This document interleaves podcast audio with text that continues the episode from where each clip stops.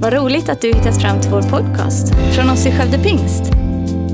Vår bön är att den ska hjälpa dig förstå mer om vem Gud är, bygga din relation med honom och ge praktiska verktyg för ditt liv. Jag ska predika om känslor versus beslut. Känslor versus beslut. Och varför vill jag prata om det? Jo, därför att jag tror att vi lever i en värld som är på tok för känslostyrd. Där det handlar om att jag ska känna för någonting, annars kommer jag inte göra någonting. Det kan gå tillbaks till jobb. Eh, du vet, vi sa här precis innan att vi ber om att strunta i sommarjobbet. Jag skulle nog inte riktigt be med i den bönen, utan jag skulle säga jobba alla veckor förutom vecka 31. Och när du kommer en sån här solig kväll och det är fantastiskt väder eh, runt om i hela Skaraborg så kanske det inte känns så lockande med jobb. Men jag vill bara säga att saker som har ett värde, saker som betyder någonting, brukar ofta tränga mycket, mycket djupare än bara ytliga känslor. Och du vet, om du ska vänta på att allting ska kännas bra, att allting ska kännas rätt, då lovar jag dig att det finns saker som du kommer gå miste om. Saker som, är, som kommer gå förlorade på grund av att du väntade på den där känslan. Men du vet, det finns saker i livet som är värda att ta ett beslut för. Som inte bara handlar om hur jag känner just nu. Jag kan säga om jag hade känt vad jag hade känt just nu så känner jag att absolut, jag gick upp halv sex i morse. Därför att min dotter Bonnie, hon väckte mig då. Det är min känsla, men det finns ett beslut av att vara här därför att jag tror att den här kvällen spelar roll. Så beslut i livet, det är av allra, allra största vikt. Och eh, jag vill bara säga det, om du är en människa som inte bara går på känslor utan faktiskt bestämmer dig för att gå på beslut genom livet, då kommer du sticka ut många av dem som du till exempel söker ett jobb mot, många av dem du kanske går i skolan med. Därför att människor nöjer sig ofta med att det ska kännas hit eller dit, men du vet, beslut, det kan vara någonting som består. Och vi ska läsa ifrån eh, Filipperbrevet, kapitel 1, eh, vers 18 till 21. Och det är Paulus som skriver ifrån en fängelsesituation. Och han skriver så här, och jag tänker fortsätta glädja mig, för jag vet att allt detta kommer att leda till min frälsning. Genom er förbön och Jesu Kristi andes hjälp. Det är min längtan och mitt hopp att jag inte på något sätt ska stå där med skam, utan att Kristus nu som alltid ska bli frimodigt förhärligad i min kropp, vare sig jag lever eller dör. För mig är livet i Kristus och döden en vinst. Hur kan man skriva någonting sånt här utifrån en fängelsesituation? Jag vet inte om du har varit i, i något fängelse någon gång, men jag kan säga det, det finns fängelser och så finns det fängelser. Fängelse i Sverige, det må vara en sak, därför det är ganska bra standard. Men sen finns det fängelser som är verkliga fängelser. Om du skulle sitta där så kan jag säga det, det finns definitivt inget wifi. Du skulle absolut inte komma ut på varken TikTok, Instagram, Facebook eller vad du än är ute på, utan du skulle sitta där med kala stenväggar, sova kallt och grisig mat och massa liksom, tråkiga omständigheter. Men ändå så finns det någonting som, det verkar som att Paulus, han har fått tag i någonting. Han har, han har förstått någonting. Det står att, eh, och jag tänker fortsätta glädja mig. Det är inte, jag känner för att fortsätta att glädjas, utan jag tänker. Så det verkar som att det finns någon typ av beslutsamhet hos Paulus som faktiskt tränger djupare än alla de känslor som man faktiskt kanske i grund och botten känner. Det står så här i The Message, en, en, eh, man kan säga en typ av översättning av samma ställe, där, där det står så här på engelska. And I'm going to keep that celebration going. Jag vet inte vad du just nu känner att det stoppar eller det stannar, men du vet det finns någonting av att fortsätta glädjas. Paulus hade hamnat i det läget, han hade fått tag i någonting som var värt att fortsätta kämpas för. Och du vet Paulus, du måste förstå att han har inte varit troende speciellt länge, utan han har kommit till tro vart det lider. Han har haft en annan tro innan. Han, han har tillhört den judiska grenen och han trodde inte att Jesus var Guds son. Men helt plötsligt så har han fått det uppenbarat för sig. Och Paulus, när, när han börjar stöta på motstånd, det är väldigt lätt att, ja men det var kanske lite bättre förr eller jag, jag, jag kanske borde vända tillbaks till det där eh, som jag en gång trodde på. Därför att det här med Jesus, det verkar inte hålla därför att helt plötsligt så hamnar jag i fängelse för min tro. Men det är inte alls så som Paulus resonerar utan han tänker, då, eh, tänker på ett mycket, mycket djupare plan därför att det har fått fäste i hans liv. Och eh, det finns en, en, person som jag, eh, som jag är otroligt inspirerad av. En, en skidåkare som inte längre åker skidor i, i svenska landslaget, men som åkte förut, som heter Johan Olsson. Och Johan Olsson, vi kommer få fram en bild. Bildteamet kommer klippa in den nu. Eh, ni kan bara ge tumme upp när den är uppe. Så vart den sitter just nu så kommer du se den bilden. Och då ser du att Johan Olsson, han står i en så kallad stakmaskin, eller en, en skidmaskin. Och, eh, det står, huvudrubriken står så här. Här lurar Olsson kroppen förbi det mänskligas gräns. Så det är som att han är ett träningsfreak utan dess like. Så står det så här i texten precis under att skidåkningens själ sitter i smärtan, skriver Johan Olsson. Ingen som vill vinna VM kan smita undan vardagens smärta. Ingen vet det bättre än Johan Olsson. Vi kan ta bort den eh, bilden eh, så du kan se mig igen. Men det finns någonting hos Johan Olsson. Jag vet, jag såg ett reportage för några år sedan innan eh, en, en OS-tävling. Där man ser långt bort så ser man Johan Olsson, han bara trycker och stakar upp för en backe som är hur brant som helst. Man ser hur han bara pressar sin kropp. Och så vet jag, de fångar in han i en intervju efteråt, så, så säger han så här, jag måste lära mig att älska smärtan. Du kan tycka att han är knäpp, eller så kan man bli lite imponerad. Vad är det han har fått tag i på något sätt? Vad är det han är så passionerad över så att han är beredd att det får kosta någonting? Han är beredd att det får göra lite ont ibland. han är beredd att gå eh, över både utmaningar och hinder för att nå sina mål. På något sätt så är det så att Johan Olsson har kommit till en förmåga, den har kommit att sätta sig över hans känslor. Om du har åkt längdskidor någon gång, då vet du precis vad jag pratar om. Eller om du har fått en sån där eh, otrolig mjölksyrekick rätt in i kroppen, då vet du att du är näst intill förlamad. Du kan, du kan knappt pressa kroppen någonting mer därför att musklerna bara krampar och det syrar. Men du vet, Johan Olsson, han hade lärt sig på något sätt att komma över det som var hans känslor, därför att han var besluten om att nå ett mål. Han var besluten om att gå, en, eh, gå ett lopp och faktiskt bli en vinnare. Inte bara försvinna någonstans i mängden, utan faktiskt vinna det han deltog i. Du vet, ibland så tänker jag så här att vi väntar på att känslorna ska vara rätt för att ta rätt beslut istället för att ta ett beslut och lita på att känslorna kommer. Du vet, ibland så väntar vi på att känslan ska vara så rätt innan vi tar det där beslutet. Men du vet, mycket av det vi faktiskt finns av värde i, i vårt liv, det är att vi behöver ta ett beslut och sen lita på att känslorna kommer därefter. Min första punkt den här kvällen så skulle jag vilja prata om, låt inte känslorna styra. Låt inte känslorna styra. Du vet, om jag och min fru Rebecka, vi har varit gifta i, i nio år. Och, och i början när man är nykär och allt är härligt och allt är underbart och du är med i liksom, eh, 180 i Skövde eller något av våra andra ungdomsarbeten.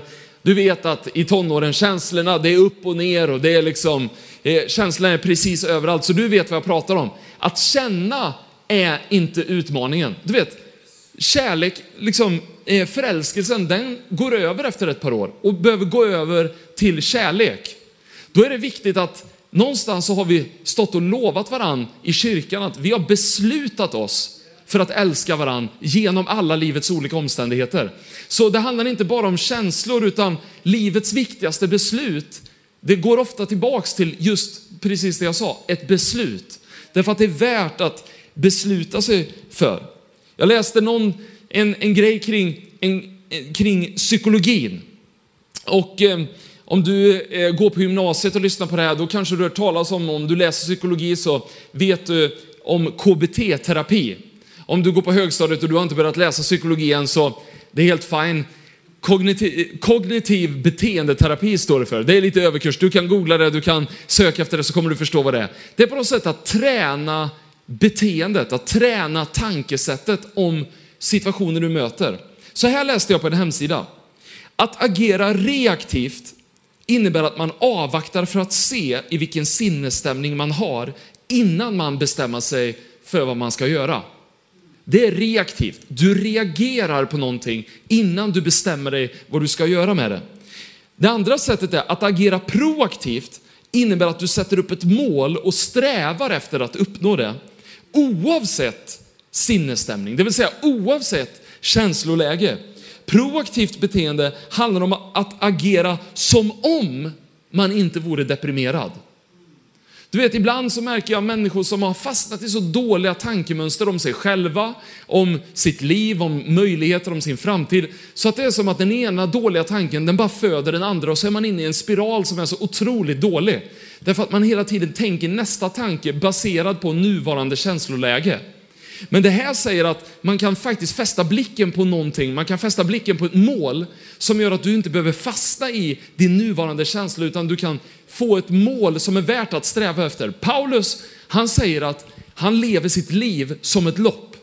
Han lever sitt liv som ett lopp som han springer för att vinna en segerkrans. Så att han vet att det finns någonting i livet som är värt att springa efter oavsett hans känsloläge.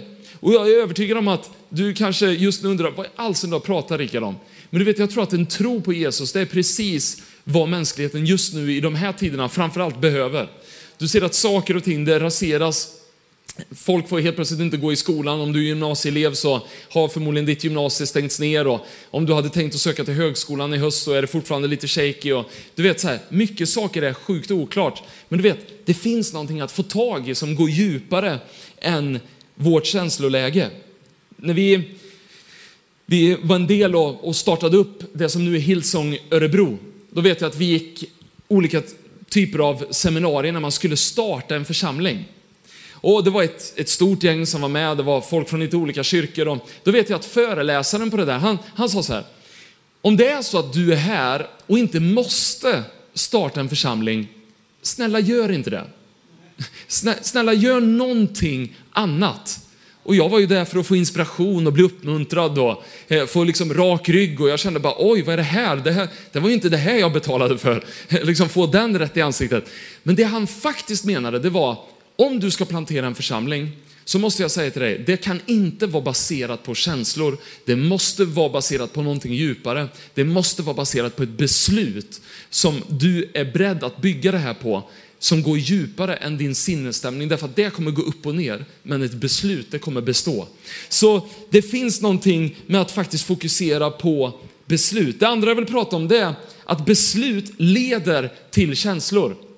Det står, Paulus han säger så här, och jag tänker fortsätta glädja mig, för jag vet att det kommer leda till min frälsning. Så det vill säga, det finns massa olika anledningar som pekar på att det är okej okay, Paulus att kasta in handduken. Det är okej okay, Paulus att ge upp. Det är faktiskt okej okay, Paulus att du kan säga att den där tron som du har på Jesus, den höll inte därför att du hamnade till slut i fängelset. Så väldigt många personer runt honom hade säkert köpt om man hade kastat in handduken, om man hade gett upp, om man hade slutat tro. Men Paulus han säger, jag tänker fortsätta glädja mig därför att jag vet att det kommer leda till frälsning.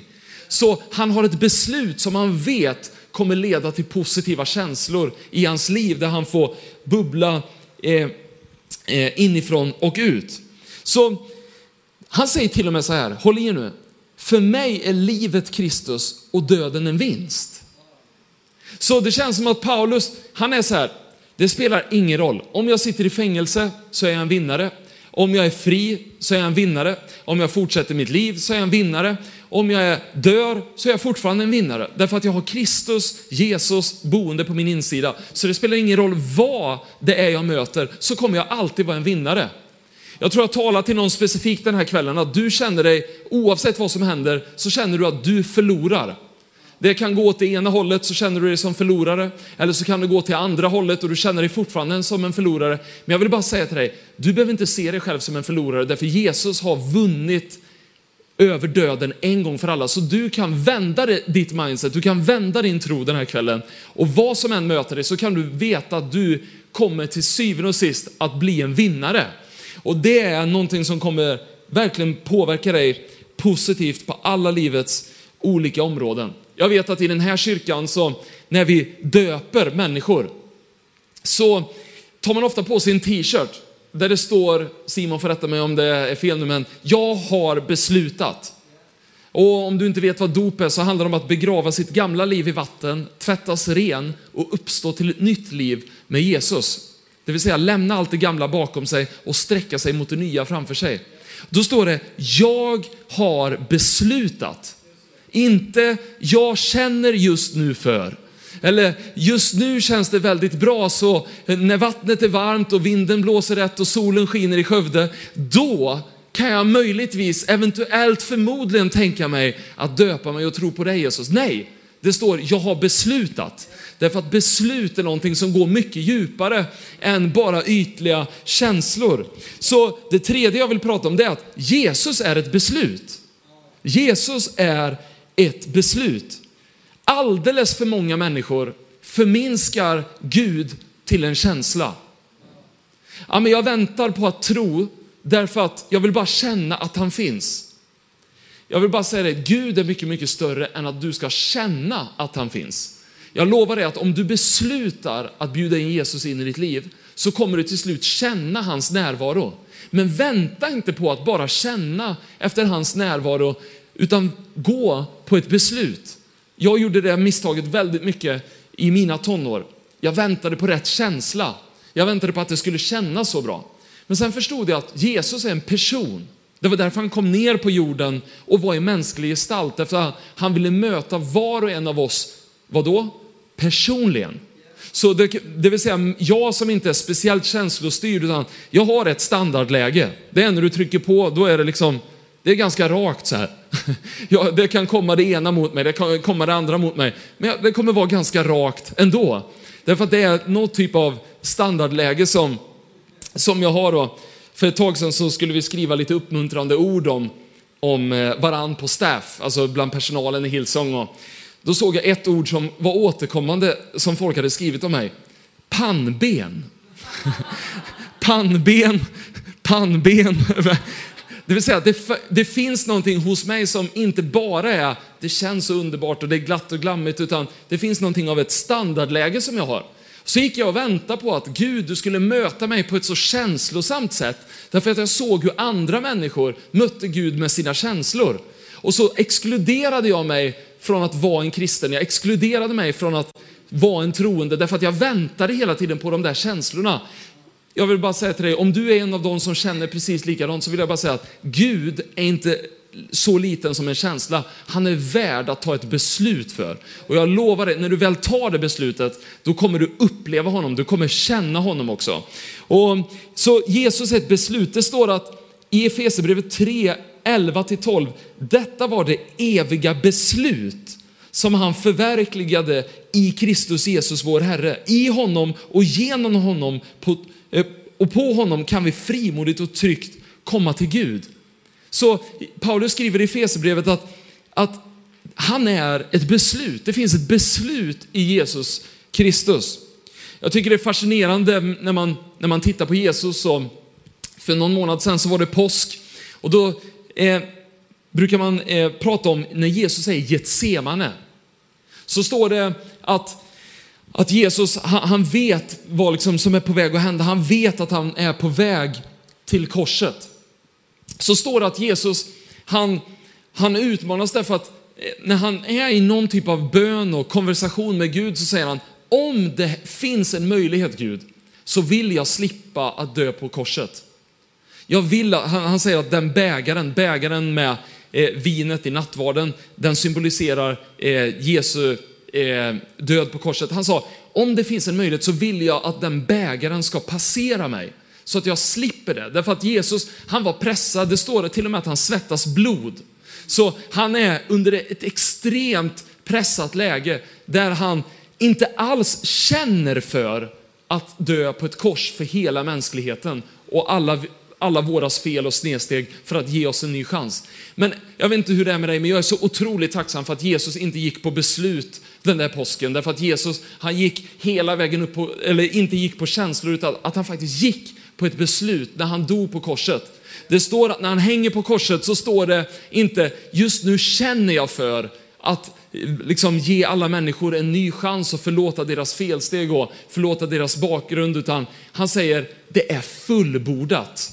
Det vill säga han tog det hela vägen in i mål. Han, han beslutade sig för att jag ska bära alla mänsklighetens felsteg och snedsteg och jag kommer ta dem på mig och ge mänskligheten en ny chans. Jag vet inte hur det är med dig, men jag är tacksam för att han beslutade sig för att ge mig och dig en ny chans. Det fjärde jag skulle vilja prata om det är någonting som jag reflekterade för, för ett tag sedan och det är att kyrka och församling, det byggs inte på känslor, det byggs på beslut. Att vara, vara en del av en, liksom att, att jag just nu är i den här eh, platsen, den här byggnaden här i, i Skövde. Jag kan säga det att det bygger på liksom, generationer av människor som har bestämt sig för att leva för någonting som är större än de själva. Att ge in i kollekten, att samla in, att bygga den här byggnaden, att faktiskt vara en skillnad i Skövde, inte bara när man känner för det, utan genom alla olika omständigheter. Jag lyssnade på en, eh, en kollega och nära vän, då, pastor eh, som heter Erik Liljero i, i Hillsong, och det var för ett tag sedan när jag var ny i Hillsong. Så var det en som frågade, jag lyssnade på en intervju med honom, där det var en som frågade, Erik, vad är nyckeln bakom era kyrka? Vad är det som gör att ni är där ni är just nu? Då, sa, då vet jag Erik sa så, det, det förväntades någon typ av genialiskt svar på den frågan, men då vet jag Erik sa så här, vi har bara fortsatt, fortsatt. Vi har fortsatt och vi har fortsatt. När vi inte känt för det så har vi fortsatt. När vi fick barn, alla som var med och startade kyrkan, så har vi fortsatt. När människor i vår omgivning sa att det där kommer inte gå längre, så har vi fortsatt. När människor säger att ni borde kanske satsa på något annat, så har vi fortsatt. Vi har fortsatt, fortsatt, fortsatt, fortsatt. Och jag bara tänkte, vad är det? Jo, det är ett gäng människor som har fått tag på någonting, likt Paulus, som är värt att leva för. Inte bara just nu när allt känns bra, utan faktiskt är värt att ge hela sitt liv för. Att lägga ner olika saker som ibland kan göra liksom anspråk på att vara viktigare än det. Men då har de fortsatt bestämt sig för att fortsätta, fortsätta, fortsätta. Det sista och femte och sista det är, kom ut ur ditt fängelse. Kom ut ur ditt fängelse. Paulus skriver lite senare i Filipperbrevet i kapitel 4, vers 4-7. Gläd er alltid i Herren. Än en gång säger jag er, gläd er. Låt alla människor se hur vänliga ni är. Herren är nära. Bekymra er inte för något, utan låt Gud veta alla era önskningar genom bön och åkallan med tacksägelse. Då ska Guds frid, som övergår vad då? Allt förstånd, bevara era hjärtan och tankar i Kristus Jesus. Vad är det han har fått tag i? Han har fått tag i en frid som övergår allt förstånd. Förstånd, det handlar om att konstatera saker precis så som de är. Det är kallt i fängelset. Det är hårt i fängelset. Det är rått i fängelset. Jag har inte allt vad jag behöver i fängelset. Men jag har ändå funnit någonting som övergår mitt förstånd, som är värt att få tag i och det är glädjen. Glädjen är att veta att oavsett utgångsläge så kommer jag vinna. I döden så är jag fortfarande en vinnare. Därför att jag vet att Jesus har gett mig liv och liv i överflöd. Det är intressant att tänka på att Paulus, han var fri trots att han satt i fängelse. Paulus var fri trots att han satt i fängelse. Jag vet inte hur du känner just nu, där du är. Om du är sugen på livet eller om du just är på väg att ge upp och kasta in någon typ av handduk eller välja att göra någonting annat. Kanske är du där och kanske har en kristen tro men du är tveksam på om den verkligen håller och du kanske är på väg att drifta och välja andra saker i ditt liv. Eller så är det så att du just nu kanske blivit av med jobbet eller du kanske inte har kommit in på den där eh, skolan eller därför du vet inte ens om den kommer starta till hösten eller så, vet, så känner du att du håller på att misslyckas totalt just nu i, i liksom gymnasiet därför att gymnasiet är inte ens öppet och du sitter på webben och du fun, liksom ingenting funkar eller så känner du dig ensam. Vad du än känner så vill jag bara säga att det finns ett beslut att fatta den här kvällen som kommer tränga djupare än alla ytliga känslor. Så du kan lägga undan dåligt självförtroende, du kan lägga undan dålig självbild, du kan lägga undan negativitet, du kan lägga undan depression och säga ditt ja till Jesus den här kvällen. Och jag brukar alltid be en bön i, i samband med våra möten och eh, gör alltid det vart jag än är och kommer göra det nu när jag är på Reclaim den här kvällen också. En bön om att besluta sig för att följa Jesus.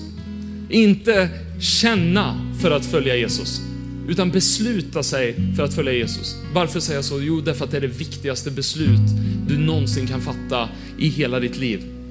Och du kanske är här och tittar på det här, du kanske första gången du är i kyrkan och kanske aldrig sagt ditt ja till Jesus, då vill jag säga att den här kvällen, det är din kväll. Du har möjlighet att säga ditt ja till Jesus, kanske för första gången. Och jag vill bara säga till dig att det handlar inte om att förstå allt. Det handlar inte om att begripa allt. Det handlar inte om hur mycket bibel du har läst. Det handlar inte om hur mycket i kyrkan du har gått. Det handlar inte om om du har gått någon bibelskola eller söndagsskola eller ingenting. Det handlar om om du i ditt hjärta bestämmer dig för att sätta din tro på Jesus. Du vet, tro, det handlar inte om hur mycket du tror, det handlar om vem du tror på. Och du kan sätta din tro till honom den här kvällen. Kanske är det så att du har haft en levande tro. Kanske är det så att du har haft det där bönelivet eller läst mycket Bibeln eller varit engagerad i 180 här i Skövde eller något i de andra ungdomsarbetena. Eller, men på något sätt så har andra prioriteringar kommit in i ditt liv. Men du vet, det här är en kväll där du har möjlighet att komma tillbaks till Jesus. Jag vill bara säga att han är ett beslut bort. Han har inte bestämt sig för att hålla sig bort från dig, utan han har bestämt sig för att dra sig nära dig. Och han är här den här kvällen. Han är här och han är där där du är. Oavsett om du är på en screen eller om du är bland några vänner just nu så har du möjlighet att säga ditt ja till Jesus. Tack för att du lyssnat. Dela gärna podden med dina vänner och glöm inte att prenumerera så du inte missar nästa predikan. Om du har några frågor eller vill att vi ska be eller tacka för något tillsammans med dig så får du gärna höra av dig till kyrkan skövdepingst.se. För oss är veckans höjdpunkt söndagens gudstjänst och det vore så kul att träffa dig där. Våra team finns då redo att ta emot dig och det finns även egna samlingar för barnen. Du hittar mer information om oss, vilka vi är och våra olika mötesplatser på skövdepingst.se. Gud välsigne dig och ha en fortsatt bra vecka.